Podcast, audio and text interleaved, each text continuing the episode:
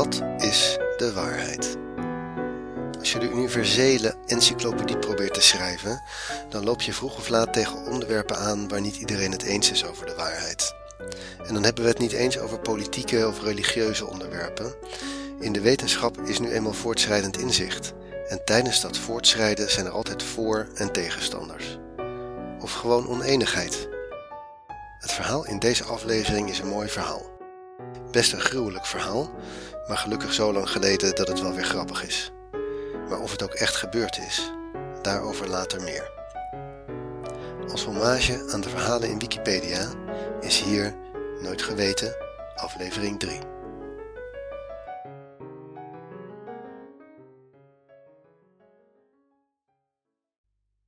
Dit verhaal begint in het huidige Schotland, het noordelijkste puntje van het vasteland van Schotland.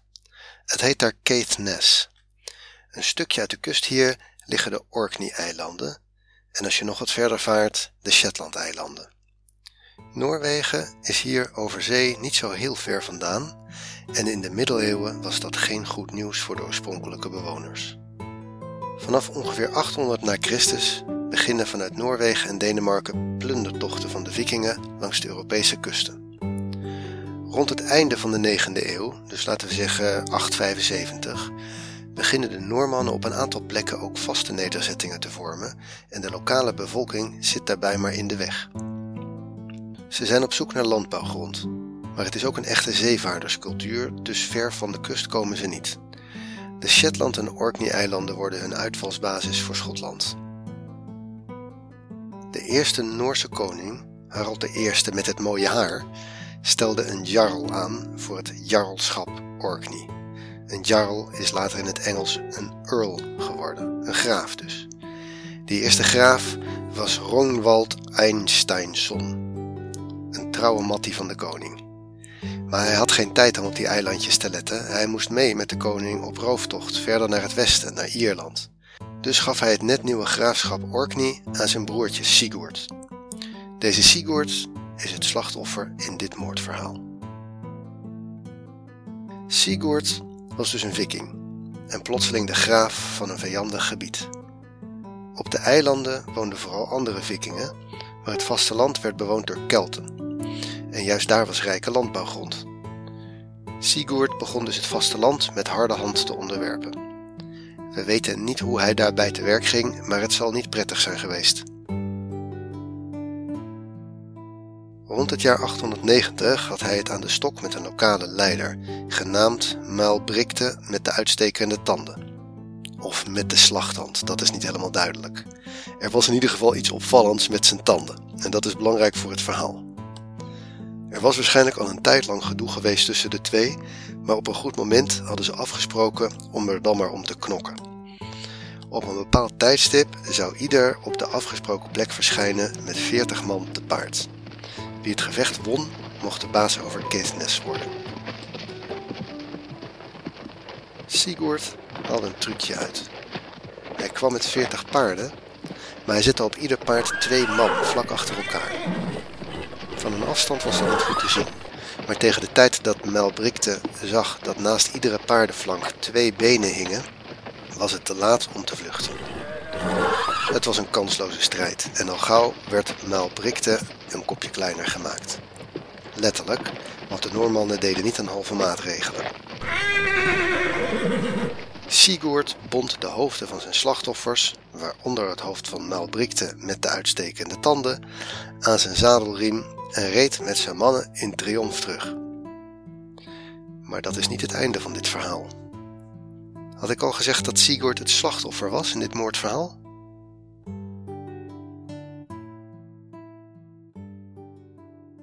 Op dit punt in het verhaal zou het wel goed zijn om het nog eens te hebben over de waarheid. Ik vertel dit verhaal nu alsof er filmbeelden van zijn, maar we hebben het hier over het jaar 892, ergens in een uithoek van Schotland. Natuurlijk weten we niet zeker wat er gebeurd is. Er zijn ook een paar zaken fishy in het verhaal. Is het bijvoorbeeld logisch dat iemand door de koning tot graaf wordt benoemd en het dan gewoon kan doorgeven aan zijn jongere broer? Is het normaal om een oorlog af te handelen met een soort wedstrijdje van 40 tegen 40? Wat Wikipedia dan typisch doet, is het benoemen van de bronnen en het benoemen van twijfels als ze bestaan. Er zijn wetenschappers die denken dat die hele strooptocht naar de Orkney-eilanden en Caithness pas veel later gebeurde, onder een andere koning Harold, koning Harold III. Die had een andere vazal die ook Sigurd heette en die ook jarl van Orkney was. Misschien was dat de eerste echte jarl. Wat zijn de bronnen eigenlijk? Er is in ieder geval genoeg archeologisch bewijsmateriaal dat er in de 9e eeuw Noormannen woonden op, de Orkneys. Op het vasteland is dat minder duidelijk. Er zijn ook geschreven bronnen, namelijk de IJslandse sagen, de Edda.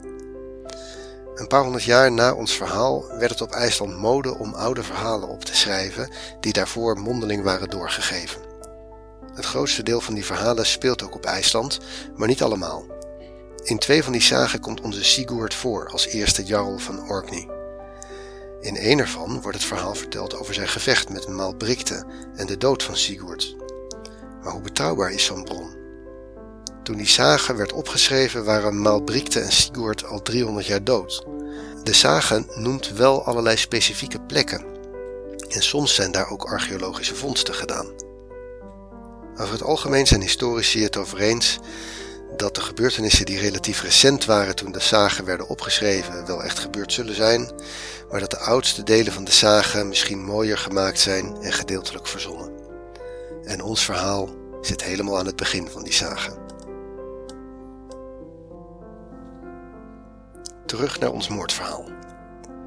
Sigurd de tweede jarl van Orkney, reed tevreden brallend met een aantal afgehakte hoofden aan zijn zadel terug naar het kamp van de vikingen. Op een kwaad moment wilde hij zijn paard even extra de sporen geven en trapte hij met zijn kuit langs de uitstekende tanden van het hoofd van Malbrikte. De tanden maakten een lelijke schaafwond.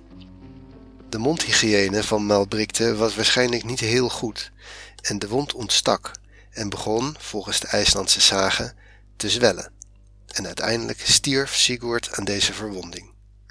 En zo vermoordde Malbrikte, uren na zijn eigen dood, zijn verraderlijke moordenaar, graaf Sigurd.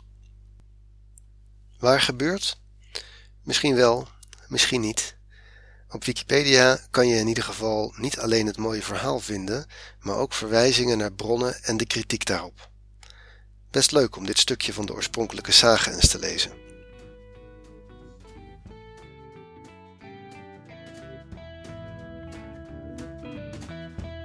Dit was een aflevering van Nooit Geweten. In de show notes vind je links naar verschillende Wikipedia-lemma's waarop deze aflevering gebaseerd is. Alle muziek die je hoorde is gespeeld, geproduceerd en soms ook gecomponeerd door Kevin MacLeod. Hij heeft deze en veel meer muziek uitgebracht onder de Creative Commons license. Links naar alle stukken vind je in de show notes. Research, productie en presentatie door mijzelf, Teun Duinstee. En natuurlijk door al die duizenden die bijdragen aan Wikipedia. Nooit Geweten is beschikbaar op alle grote podcastplatforms zoals Spotify en iTunes. Als je wilt helpen, laat daar dan een review achter. Ik vind het leuk om te horen wat je ervan vindt. Als je graag een donatie wilt doen, doe dat dan niet aan de Nooit Geweten podcast, maar direct aan de Wikimedia Foundation, de stichting achter Wikipedia. Iedereen die internet gebruikt op zoek naar betrouwbare informatie zou toch eens per jaar een klein bedragje moeten doneren. Doe het.